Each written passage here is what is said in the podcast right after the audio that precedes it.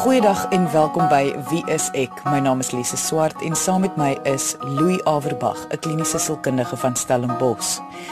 Trauma raak al hoe meer deel van ons almal se lewens as gevolg van die geweld en misdaad in ons land. Sommige mense ervaar dit direk, met ander woorde iets het met hulle gebeur wat trauma veroorsaak het, en dan is daar mense wat as gevolg van ander se trauma, hul eie trauma ervaar. Vir baie mense sal dit amper, ek wil sê, belaglik klink dat 'n mens trauma kan ervaar sonder dat iets met jou gebeur het. Maar ons gaan vandag aan die hand van 'n paar luisteraarsbriewe kyk na sulke gevalle en hoe 'n persoon iemand anders kan bystaan wat deur 'n traumatiese ervaring gaan. Want soos ek gesê het, op een of ander manier affekteer dit ons almal. Kom ons luister na die eerste brief van die dag. Dit is geskryf deur 'n man van in sy laat 30's. Ons assistent Monica gaan dit vir ons voorlees. Goeiedag Louie en Lise. Ek glo dat ek geestelik redelik gesond is, maar daar is iets wat my nou al 'n geruime tyd onderkry. Ek weet nie of julle al hierdie onderwerp hanteer het nie, maar ek word gereeld oorweldig met 'n gevoel van totale moedeloosheid oor dit wat in ons land aangaan moorde, plaasmoorde, mishandeling, verkrachting en so meer. Dit voel net of daar geen hoop vir die langdurige toekoms is nie. Hoe hanteer mens dit? As mens dit totaal wil vermy, dan moet mens glad nie op iets soos Facebook of die internet kom nie. amper glad nie radio luister of televisie kyk of met ander mense praat nie, want dit is oral. Elke keer as ek hoor van iets hartseer, dan maak dit my net van voor af baie depressief. Help asseblief. Louis, ek dink baie mense voel so want hy is heeltemal reg. Dit is oral.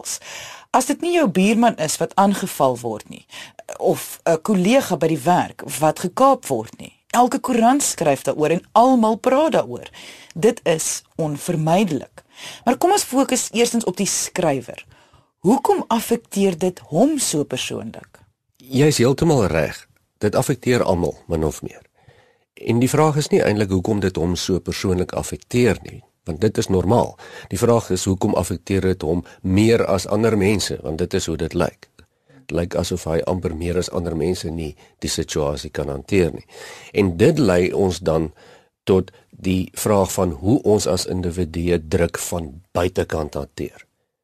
Almal het 'n verskillende manier om druk te ervaar. En al klink dit dieselfde as ons daaroor praat, ons sien dit nie heeltemal dieselfde nie. Hy sien dit dus meer intens as wat iemand anders dit sien. As dit nie so was nie, het almal presies dieselfde intense gevoel of minder intense gevoel oor misdaad gehad. So ek kan nie vir jou antwoord hoekom hom hoekom dit hom so persoonlik affekteer nie, maar dit sal met hom te doen hê en nie met die misdaad nie. Maar hy is tog nie abnormaal nie. Uh, dit gebeur met meer mense as wat ons nou sou kon indink. Heeltemal reg. Dit is glad nie abnormaal nie. Die samelewing waarin ons leef is baie abnormaal. En die intensiteit van ons abnormale samelewing is nogal is nogal rof deesdae. Mens kyk na die misdaadsyfer. So mens sou amper so ver kan gaan om dalk te sê dat hy absoluut normaal reageer binne hierdie abnormale omstandighede en dat selfs ander mense wat nie so intens soos hy voel nie miskien in meer ontkenning lewe.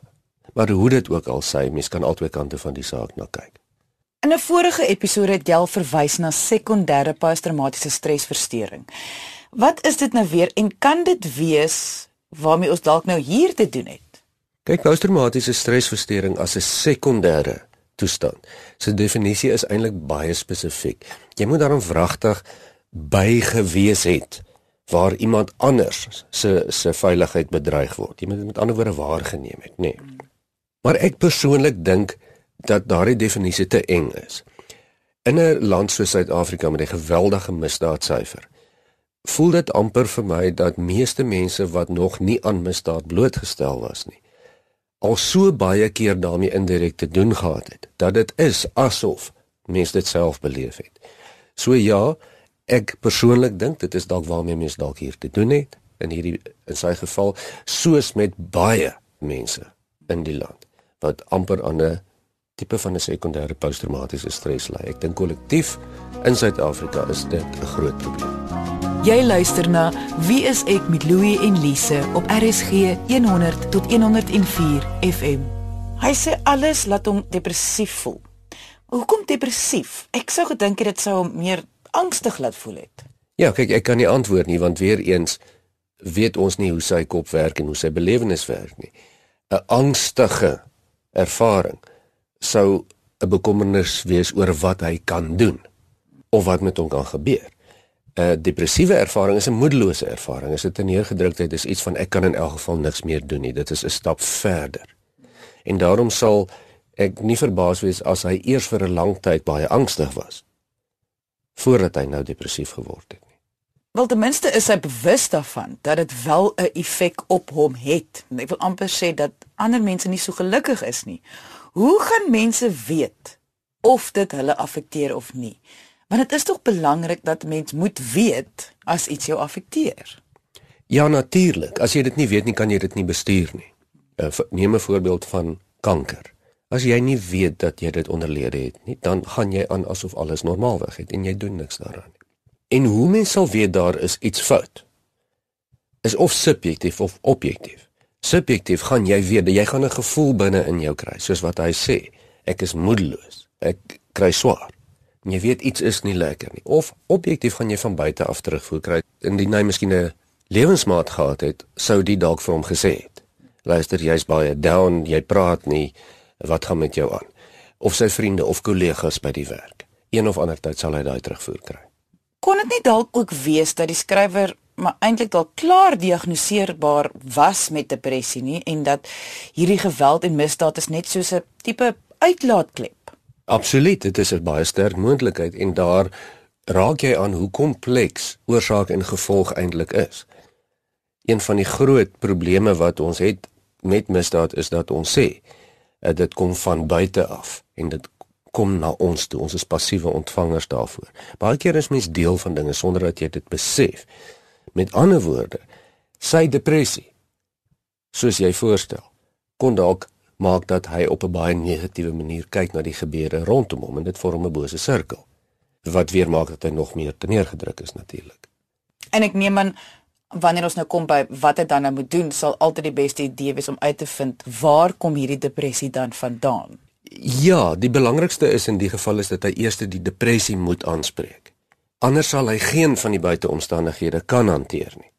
Onder andere as jy dan sê waar kom die depressie vandaan, dis dalk een manier om dit aan te spreek, maar die ideaal om dit aan te spreek is in kombinasie met medikasie en psigoterapie, soos wat jy sê. En dat hy dit nie ignoreer nie. Nee, dat hy dit nie ignoreer nie en hy ignoreer dit ook nie. Juist die feit dat hy die brief geskryf het, wys mos dat hy dit nie ignoreer nie. Baie mense gaan voel om hulp te kry vir ek wil amper sê 'n eksterne probleem soos hierdie. Met ander woorde, daar het tog nou niks met die man gebeur nie. So, hoekom moet 'n mens dan hulp kry? Kan jy net verduidelik wat moontlik kan gebeur as mens dan tekens sommer net ignoreer? Jy sien, teoreties is dit waar dat daar niks met hom gebeur het nie. Maar dit is nie 'n ver stap van waar hy nou is tot waar jy waarneem dat jou geliefde aangerand word reg voor jou nie. Wat sekondêre posttraumatiese stres absoluut regverdig. Hy neem dit al amper waar. Asof hy homself inleef. Asof hy homself inleef. Dit het met ander woorde te veel geraak. En Dit word in sy woorde gereflekteer. Ek voel oorweldig. Ek die totale moedeloosheid waarvan waarvan hy praat. Dit is die aanduiding dat dit met hom baie sleg gaan. Nou, as jy dit net los, dink gou daaraan. Dan kan jy mos nou dink dat dit klink al klaar soos 'n engine wat besig is om te wil gaan begin staan. Dan gaan sy engine mos nou staan op 'n stadium.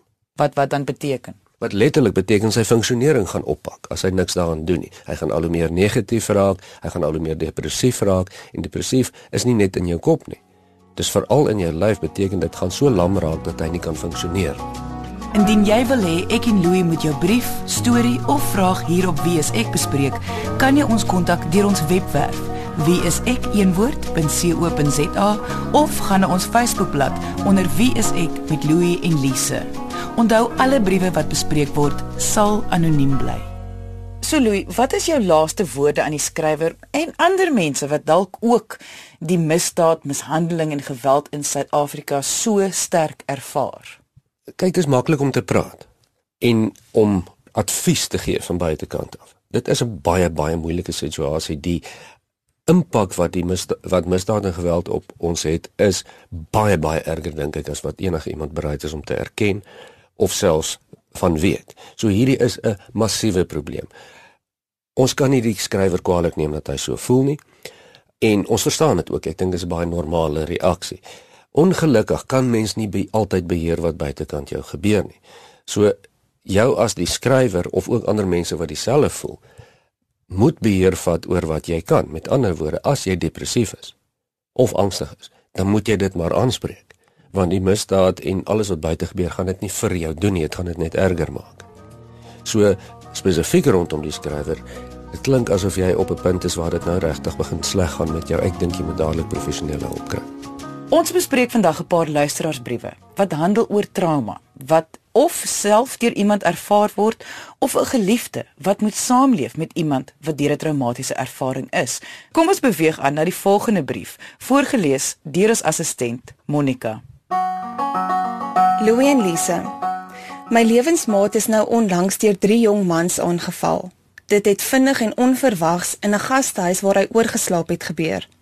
Weens werksomstandighede het ek hom nog nie self gesien nie, maar oor die telefoon kom hy vir my baie moedeloos voor en dit is asof hy nie kan konsentreer nie.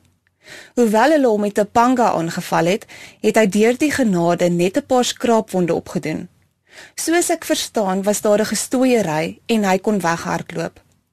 My vraag aan julle is: na watter tekens moet ek oplet voor dit nodig is vir berading of is dit nodig dat ek hom dadelik neem? Goed Louis, so hierdie is nou weer die waarneming van 'n geliefde wanneer dit by geweld en misdaad in Suid-Afrika kom. Ek voel baie keer is hierdie waarneming van die mense om 'n slagoffer net so belangrik as die van die slagoffer self. Ja, en partymal is dit nog belangriker want dit is partymal meer objektief. As mens 'n slagoffer is, is dit baie moeilik om objektief jou eie ervaring uit te spreek en jou eie simptome amper weer te gee. Hier in hierdie geval het ons 'n pragtige voorbeeld van iemand wat naby aan die persoon is wat vir ons kan vertel wat die simptome is. En baie keer ook in praktyk vra mense vir mense se geliefdes, meneer of mevrou, wat sê jou man of jou vrou, hoe neem jy haar waar? uh wat sien jy raak wat hy of sy dalk nie self raak sien nie.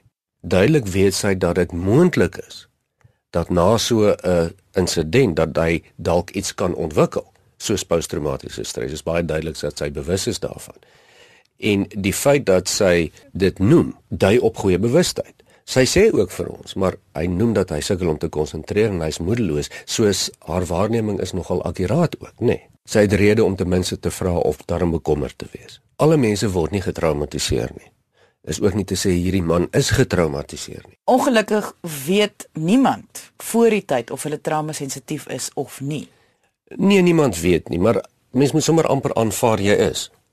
En dan is dit baie beter om proaktief te wees. Ek dink die briefskrywer hier is in 'n mate proaktief. Dit lyk nie asof dit met haar met haar lewensmaat so verskriklik sleg gaan nog nie, maar sy is bekommerd of dit met hom kan slegter gaan wat natuurlik kan wees. En as 'n uh, as die slagoffer wou proaktief optree?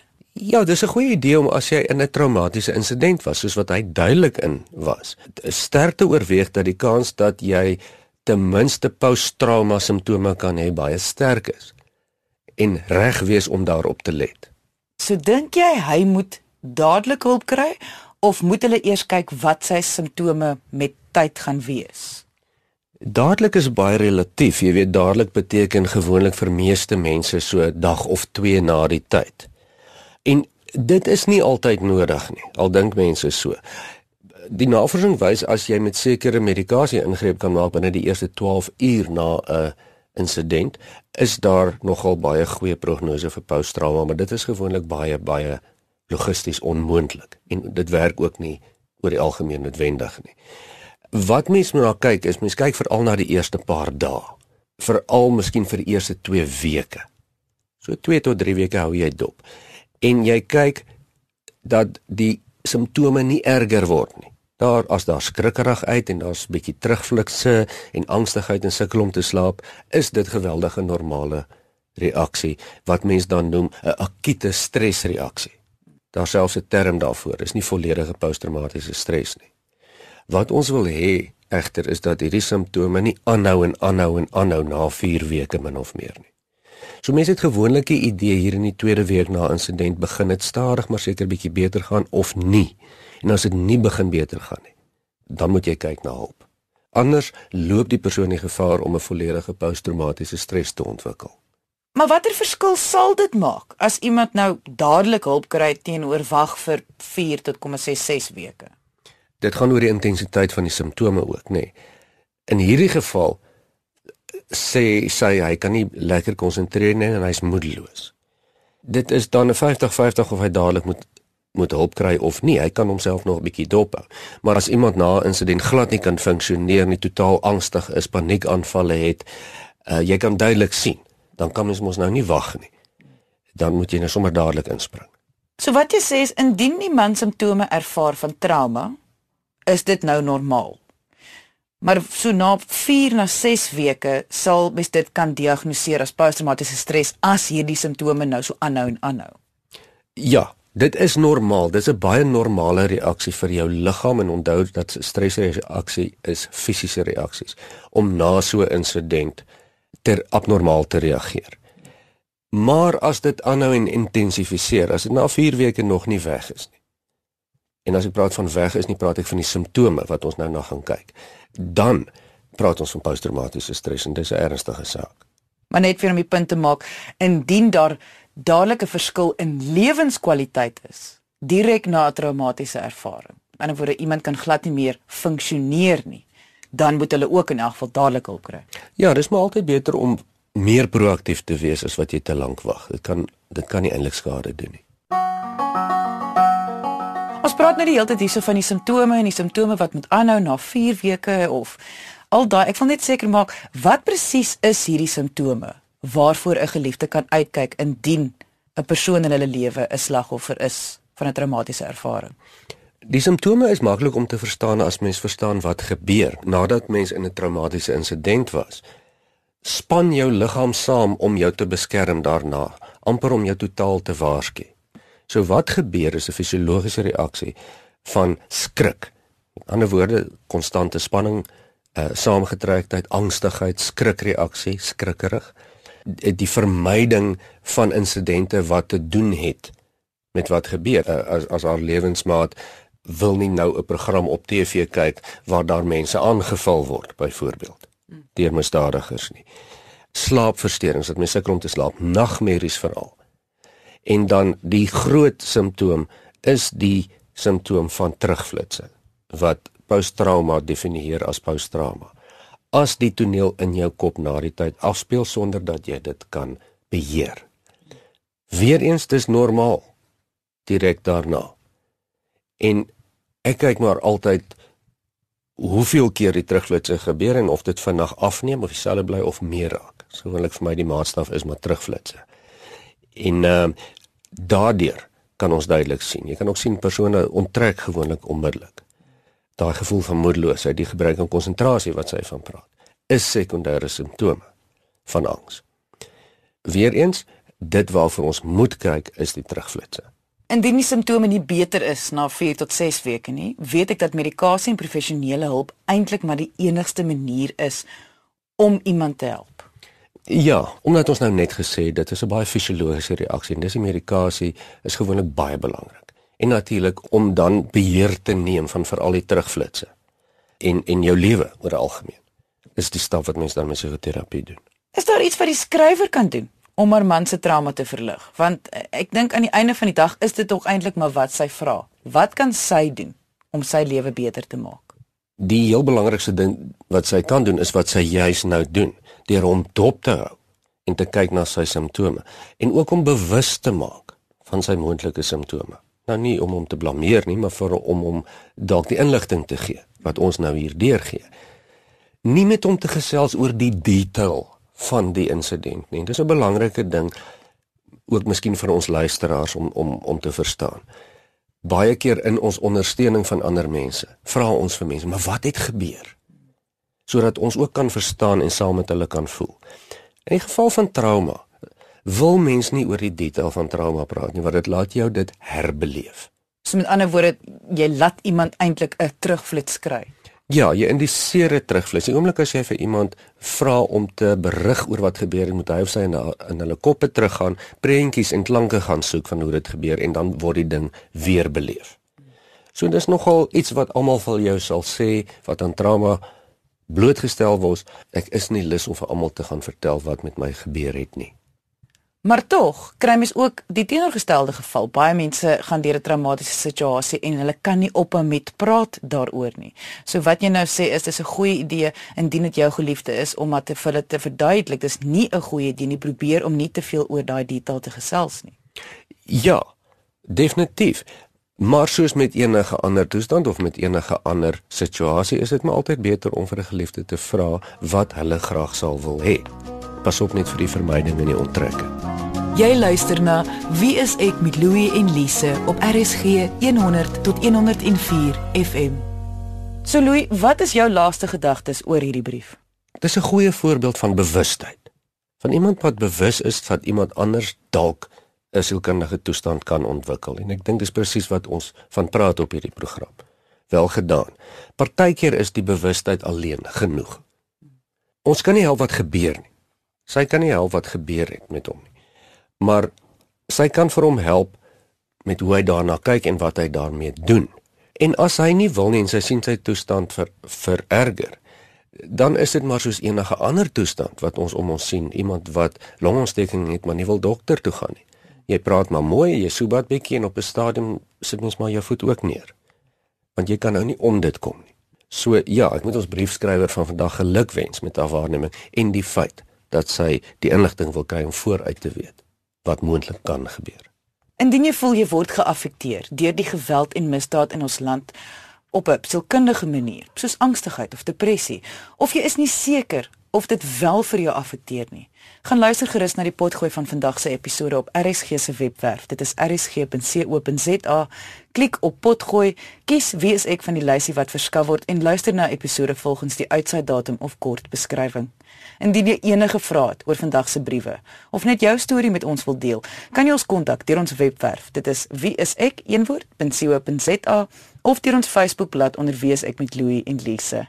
Dankie dat jy vandag ingeskakel het. Ons maak weer so volgende Vrydag 12:30 net hier op RSG. Jy moet 'n heerlike naweek hê he, en onthou, kyk mooi na jouself.